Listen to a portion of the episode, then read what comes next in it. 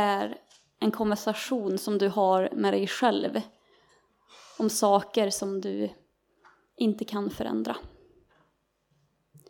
Bön är en konversation med Gud om saker som han kan förändra. Idag ska jag försöka väva ihop det här temat bön med eh, texten och eh, dagens tema som är trons kraft. Och vi har ju pratat om bön på olika sätt. Och bön handlar ofta, i alla fall för mig, om att vänta. På att få erfara Guds närvaro, hans värme, hans frid, ledning och kärlek. Att få svar på mina frågor. Men ofta är han tyst. Bönen är sällan himlastormande känslor utan oftare en ökenvandring. Det är kargt och stenigt och när jag försöker be så far mina tankar hit och dit och jag har svårt att koncentrera mig. Bön handlar om törst och längtan efter att få komma fram och finna vila. Och för ett kort ögonblick så känns han så verklig. Han visar sitt ljus, men lika snart så döljer han sig igen. Och vad gör man då? Det finns säkert flera svar på det. Ett kan vara att fortsätta vänta, längta och söka.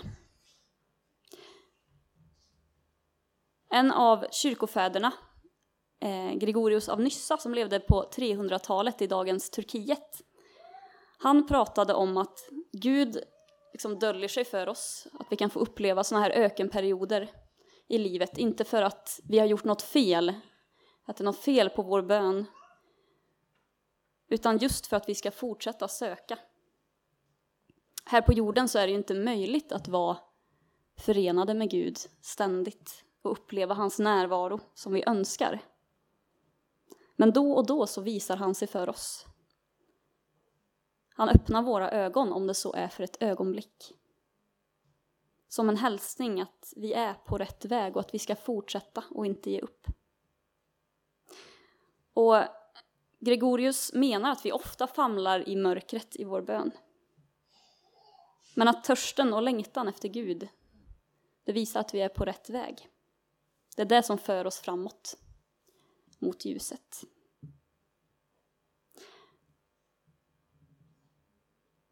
Jag ska läsa ur dagens evangeliet ehm, jag ska läsa dagens evangelietext som är hämtad ur Johannes evangelium, eh, kapitel 9. Och det är ett långt kapitel och det är uppdelat eh, i flera delar och det är ändå inte hela texten som är med idag, men eh, vi börjar med en del. Där Jesus kom gående fick han se en man som hade varit blind från födseln. Lärjungarna frågade honom, Rabbi, vem har syndat? Han själv eller hans föräldrar, eftersom han föddes blind? Jesus svarade, varken han eller hans föräldrar har syndat, men Guds gärningar skulle uppenbaras på honom. Medan dagen varar måste vi göra hans gärningar som har sänt mig. Natten kommer och då kan ingen arbeta. Så länge jag är i världen är jag världens ljus. Sen spottade han på marken, gjorde en deg med spottet och strök degen på mannens ögon och sa Gå och tvätta dig i Siloadammen. Siloa betyder utsänd. Mannen gick dit och tvättade sig och kom tillbaka seende. Det går inte att föreställa sig hur det är att vara blind och att vara det från födseln. Och vi kan ju förstå att på Jesu tid så innebar att vara blind ett väldigt hårt liv. Man var utstött och fick ofta livnära sig på allmosor. Den här mannen satt nog ganska pacificerad, kanske på sin vakt, orolig över att inte se vilka som närmade sig. Skulle någon ta hans pengar? hans mat som han fått skänkt. Och troligtvis var ju mannens andra sinnen skarpare. Han hörde tydliga steg närma sig och sen lärjungarnas frågor som han hade fått höra många gånger tidigare. Är det han som är en syndare? Är det han som har syndat eller är det hans föräldrar? Eller kanske förfäder? Vad gjorde de här orden med mannen? Det var ju en vanlig tanke under antiken att sjukdomar och olycka berodde på synd som eh, kunde ärvas. Och det var ett sätt att förklara de mänskliga omständigheterna på. Idag kanske vi pratar mer om arv och miljö och så. Det som påverkar oss, vilka vi blir. Kanske hade mannen längtat efter och fantiserat om att kunna få se. Eller kanske hade han bara accepterat sitt öde. Men jag tror att djupt i hans hjärta så fanns törsten, längtan efter Gud som finns hos alla människor längst där inne. Att få möta den helige. Och mötet det innebar så mycket mer än mannen kunde föreställa sig. Och Jesus han kommer alltid med befrielse på flera plan. Och att hela någon med en tillfällig sjukdom, det var en sak. Det var ganska vanligt att helare gick runt under den här tiden. Eh, men att hela det medfödda, som man tänkte att Gud hade bestämt redan innan människan föddes, det var något helt annat. Och det är därför det här, eh, det här undret får ta sån stor plats eh, i evangeliet, ett helt kapitel. Det här var en kraft och en makt som ingen tidigare sett från Gud själv. Och vad gjorde det med mannens självbild och hans gudsbild att Jesus sa att varken han eller hans föräldrar hade syndat? Siloa, det betyder utsänd som det stod. Och det syftar, det berättar både var källan ligger, men i sammanhanget så kan vi ana att det betyder att det syftar på vem Jesus är. Att Jesus är utsänd av Fadern att göra hans vilja. Och eh, på hebreiska så, kan man, så är det en ordlek, Jesus och Siloa. Eh, de innehåller konsonanter som är väldigt lika varandra. Så att det ger liksom, läser man den texten så ser man att det är en djupare eh, teologisk liksom, betydelse än vi förstår av den svenska texten. Men vi kan ändå förstå att Siloadammen, mötet med Jesus, det är liksom väldigt djup förening av det. En djup innebörd. Sen så tar mannen de här stapplande stegen mot dammen. Och hur kändes den där degen, spottet och sanden mot mannens ögon? Och sanden är ju en symbol för att människan är skapad av jord. Trodde mannen att det skulle fungera? Och sen vattnet mot ansikter, ansiktet. Från mörker till ljus. Öppnade ögon och mannen kunde se för första gången.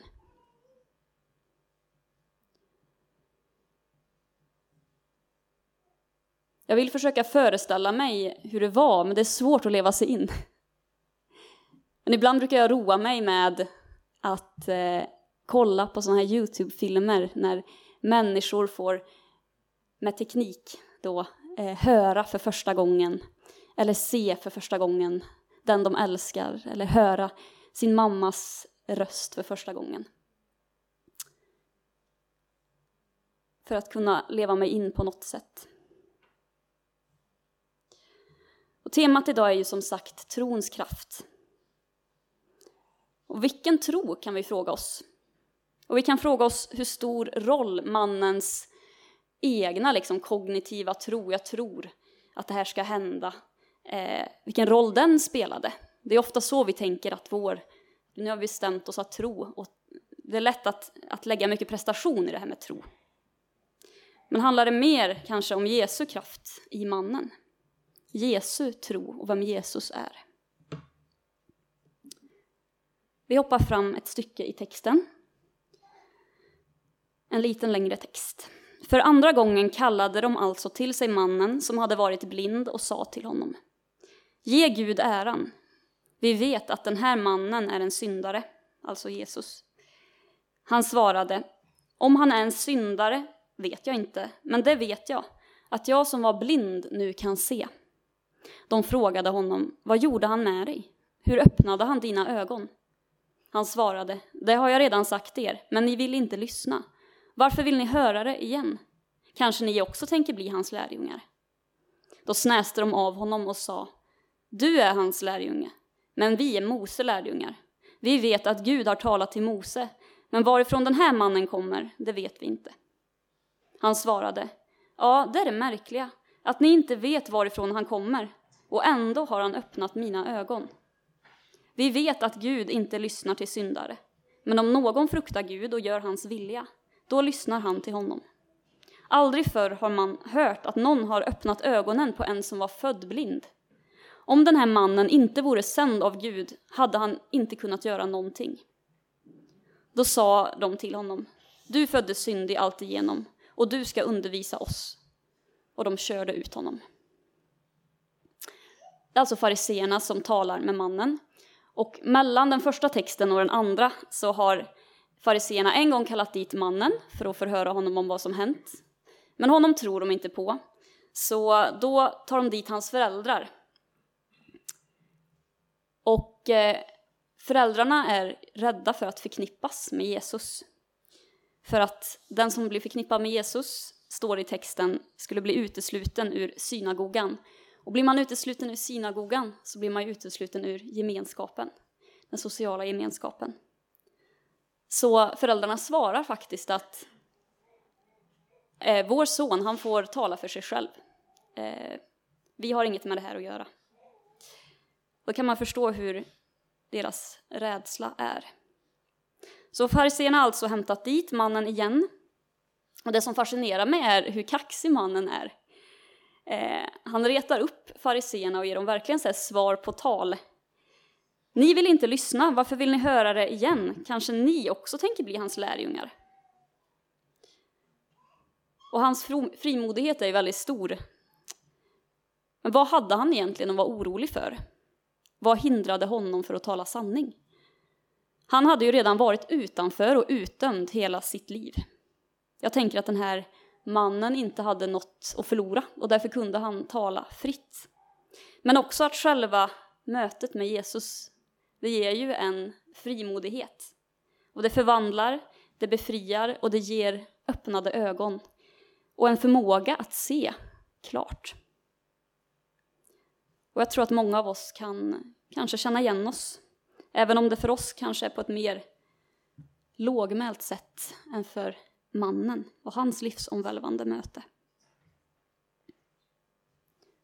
Men vi kan också fråga oss om vi vågar liksom erkänna att vi känner Jesus. Eller är vi rädda för vad folk ska tycka? Något att reflektera över den sista delen av texten. Jesus fick höra att de hade kört ut honom och när han träffade honom frågade han Tror du på Människosonen? Han svarade Vem är han, Herre? Jag vill tro på honom. Jesus sa, du har sett honom. Det är han som talar med dig. Då sa han, jag tror, Herre, och föll ner för honom. Och Jesus sa, till en dom har jag kommit hit till världen för att de som inte ser ska se och de som ser ska bli blinda. Kanske träffas de nära inpå det här ögonöppnandet. Kanske är det långt senare, kanske vid en middag eller på marknaden eller vid templet. Det står inte. Det kan vi få föreställa oss. Men jag tycker att det är ett vackert möte. Jag har tidigare tänkt att en liten dum text, eller det borde vara självklart att mannen fattar vem Jesus är för det han har gjort. Men jag har tänkt om, jag tänker att det är så fint att Jesus ber mannen sätta ord på det han har varit med om. Att han får säga att han vill lära känna och tro på Människosonen. Jesus vill lyssna även fast han redan vet.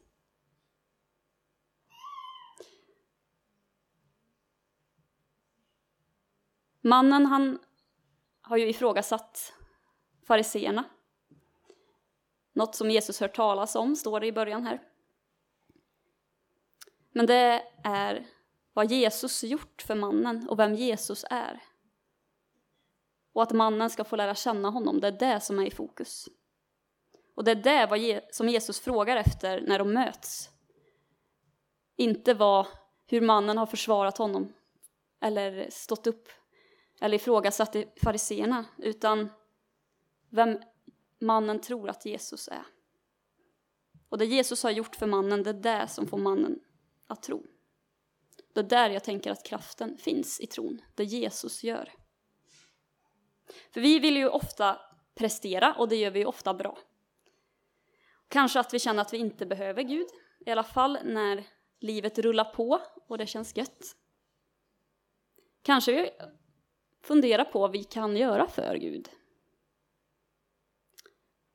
Och vi vill gärna prestera även för honom. Och det är lätt att vi sätter vårt värde i vårt görande. Och missförstå mig inte, för jag tänker att Gud ser verkligen med glädje på eh, det vi gör och det är han som har gett oss våra gåvor. Men jag tänker att det här mötet mellan mannen och Jesus, det lär oss någonting viktigt om vårt förhållningssätt. Eh, hur Jesus vill att vårt förhållningssätt ska vara till honom.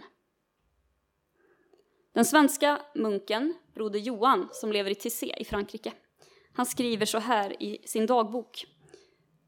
Det viktiga är inte vad vi gör för Gud, utan vad Gud gör för oss.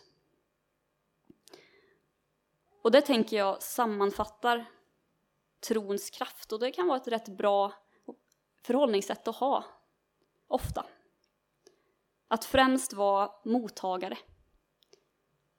Och sen så brukar det också motivera till handling. Och kanske kan vi applicera det även på bönen. Vi kan finnas på plats och vi kan vara där. Men det är till sist Gud som handlar i oss. Och det är inte vi som behöver prestera.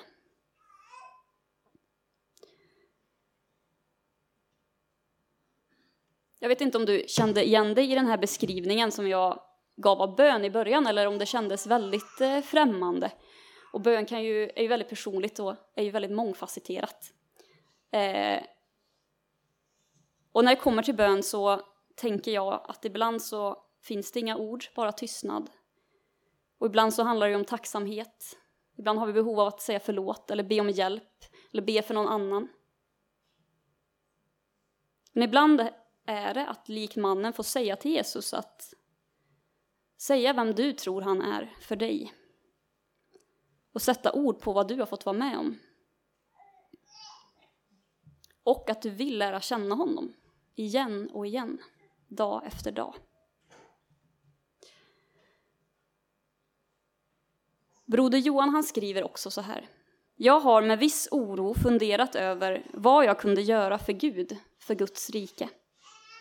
Då får jag plötsligt höra en röst som säger Jag begär inte att du ska göra något för mig.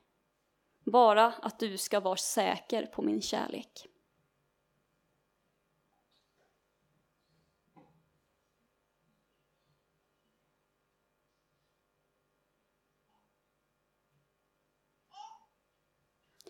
Till sist. Bär du på oro? Som jag sa i början så bön, det är ju att vända sig till Gud som kan förändra, förvandla.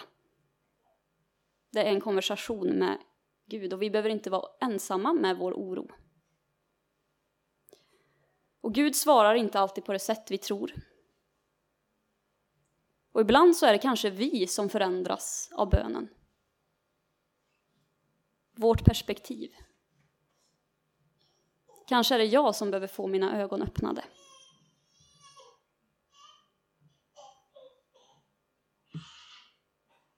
En sak är säker i alla fall.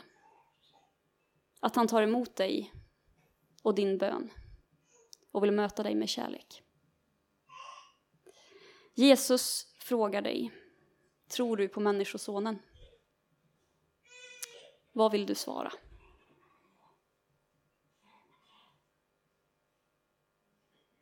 Amen.